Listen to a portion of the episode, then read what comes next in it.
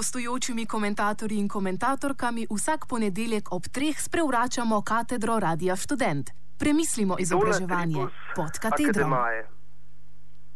Naj tokratni komentar začnem z odlomkom pesmi, ki jo je napisal Bertolt Brecht za nami rojenim. Resnično v mračnih časih živim. Spravljiva beseda je neumna, nenagubano čelo se zdi neobčutljivo. Ta, ki se smeji, še ni prejel grozne novice. Kakšni časi so to, v katerih je pogovor o drevju skoraj hudodelstvo, ker pomeni mok o tolikerih slabih dejanjih? Je tale, ki gre tukaj le mimo čez cesto, še dosegljiv za prijatelje, ki so v težavah? Da se naravoslovje in družboslovje z umestnim bankrtom, ki deluje kakor kraljica znanosti, ker zauzema filozofijo in antropologijo, to je humanistika, prepletajo, ni ravno skrivnost. Kako se med seboj prepletajo ali uveljavljajo, pa je drugačno vprašanje. Povezane so z družbo ali v njej upeti inštituciji, univerzi. Vsak študent humanistike ve, da ne bi kar brezumno blebetal o različnih vedah in znanostih, se ne, ne da bi prej pomislil in preštudiral o neki zadevi. Po drugi strani pa smo v medijih, populizmih in o potrebah nečem kot o znanostih ali o univerzi na konferencah in pri sami okresljanih intelektualcih soočeni s prakso, kako vsak ve o vsem ali še huje blebeta o vsem. To, da intelektualci delujejo v javni sferi, se angažirajo o družbenih vprašanjih, je danes več kot potrebno, še manj sporno, ker je odgovorno dejanje vsakega, ki tolička intelektualec. Drugo vprašanje pa je, v kakšnem odnosu so do oblasti, se do nje postavljajo, še posebej, če bi kaj vedeli o začetkih znanosti ali o nastanku inštitucije, za katero se z vsemi sredstvi, ne glede na realnosti, trudijo zagovarjati, da je dobra, vedeli, kaj govorijo. Seveda ni stališč ali prepričan izven subjektivnega, ampak zreducirana analiza, če to pravi termin za nekaj takega, kot je dobra univerza ali samo dobro, pa ni tako enostavno. Ta subjekt ne more izven tega, da deluje v inštituciji, ki se imenuje univerza. Te se ne more razumeti izven okolja oziroma pogojev, v katerih deluje. Te so zgodovinsko in kulturno v danem habitusu specifični. Okoličine, ki jih univerza podeljuje, je v neki obliki status, ki mu ga družba tudi priznava. Zgodovinsko nekoga, ki nekaj ve, lahko govori oziroma danes govoriči o nečem, kar ve ali kar bi vedel. To je pojav tako imenovanih ekspertov. Zakaj se kar naenkrat v novi konstelaciji politike preimenovali strokovnjakove eksperte, ne vem točno. Mogoče ima tuja beseda bolj eminenten značaj, ampak ravno tako eminentna raba nekih tujk, kot tudi brezveznega okredslavanja z zlatnim lancem, ki ne postavlja, ampak prikazuje nek eminenten položaj. Uporaba nekih lepših prikazni je anahronistično uporabljanje nekih velikih besed, ki si ne zasluži, ampak prilasti titule, zlato ali celo neko zgodovinsko vlogo, ki jo daje univerza. Potem subjekt v tej postane ali sužen oblasti za pozlačenim zlatnim okracljan, ki se izgovarja, da je podedoval od prihodnika. Popolnoma vseeno je, kakšen status je podedoval, ampak to postane v prikazni funkcija, ki jo poznamo v birokratskih aparatih in ne v poljih avtonomnega ali znanstvenega. To postavlja samo eno hierarhijo, ki jo lahko označimo za prevladujočo ideologijo, ki se imenuje neoliberalizem. Ampak da pojasnim ta veleumni izem, ki ga lahko postavimo marsikam in to z razlogom, ker je prevladujoč. Samo ena kategorija zaobjema neoliberalizem in to je razvoj.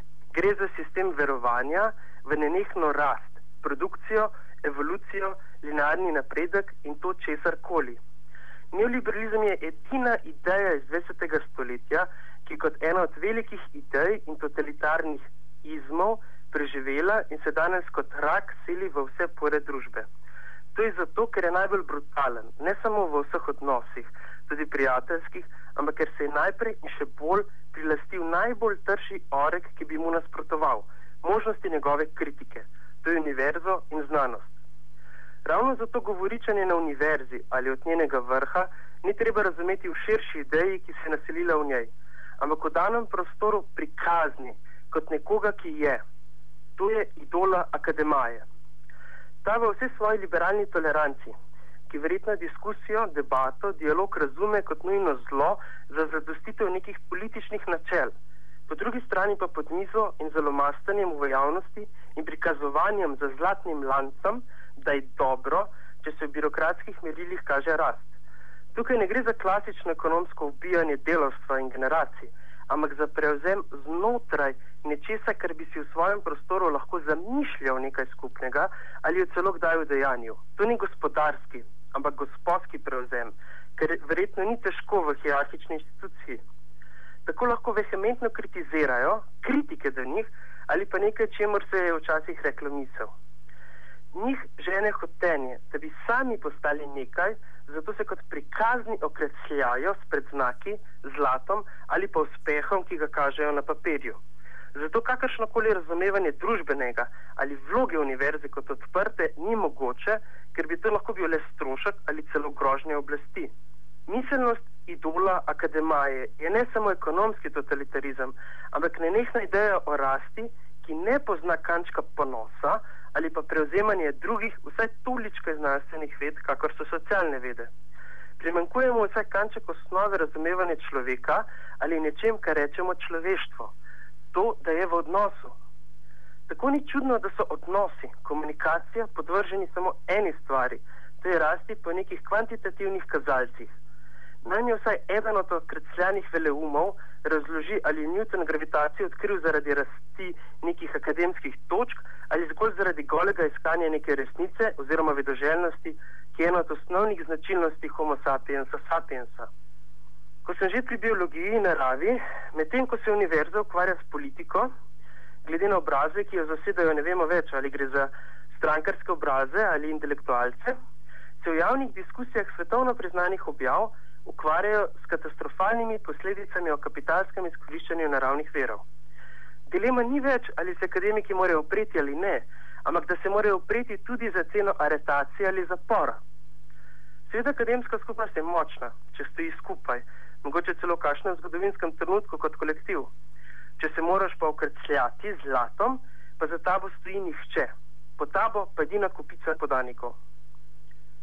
Tako vidimo ravno družboslovce, ki pod pretvezo znanstvenosti svojih ved v resnici prevzemajo resnice od druge. Padajo iz pozicije znanstvenosti, katerekoli vede pripadajo in lomastijo z ekonomsko-socialno darvinističnim diskurzom po vsej svoji zgodovini, tradiciji ali misli svoje vede. Misli, ki je oblikovala človeka in človeštvo, pa je več kot žival. Absurdno, da je ravno znanost opozarjala na sprevržene neresnice, ki jih je prodajala katerakoli oblast v zgodovini. S prevrženim resnicam so že stari Grki rekli sofisti, danes pa se pod diktirko neoliberalnih ideologov, ne samo ekonomskih, delajo po principu everything goes, kjer bi za dosego svojih ciljev naredili vse, da bi le dobili nekaj drobtinic od svojega gospodarja. Zanikajo kakršnokoli človeškost, humanizem, pa če tudi je to plat njihovih ved idola, lažnim predstavljanjem svojih person, ker se tega zavedajo, imajo edino rešitev, da za doseganje svoje resnice raje prikazujejo in obdajajo še z večjimi sofističnimi cunjami, ki jih nosijo kakor dvorsko oblačilo. Ideološka perverzija pa je, da so to naredili in okrencljali drugi, ki so odgovorni za cesarjeva nova oblačila. V tem primeru te titule, lanac, ali neke časti so ravno toliko vredne, kakor če bi bil nak. Naj upozorim, da je univerza skupnost študentov in učiteljev brez nas navlečenim kičem. Če univerza postane kaj drugega kot to in kjer so študentke in študente objekt za doseganje cilja, si jo ti vzamejo in jo postavijo na pravo mesto. Komentar sem pripravil Miha Novak.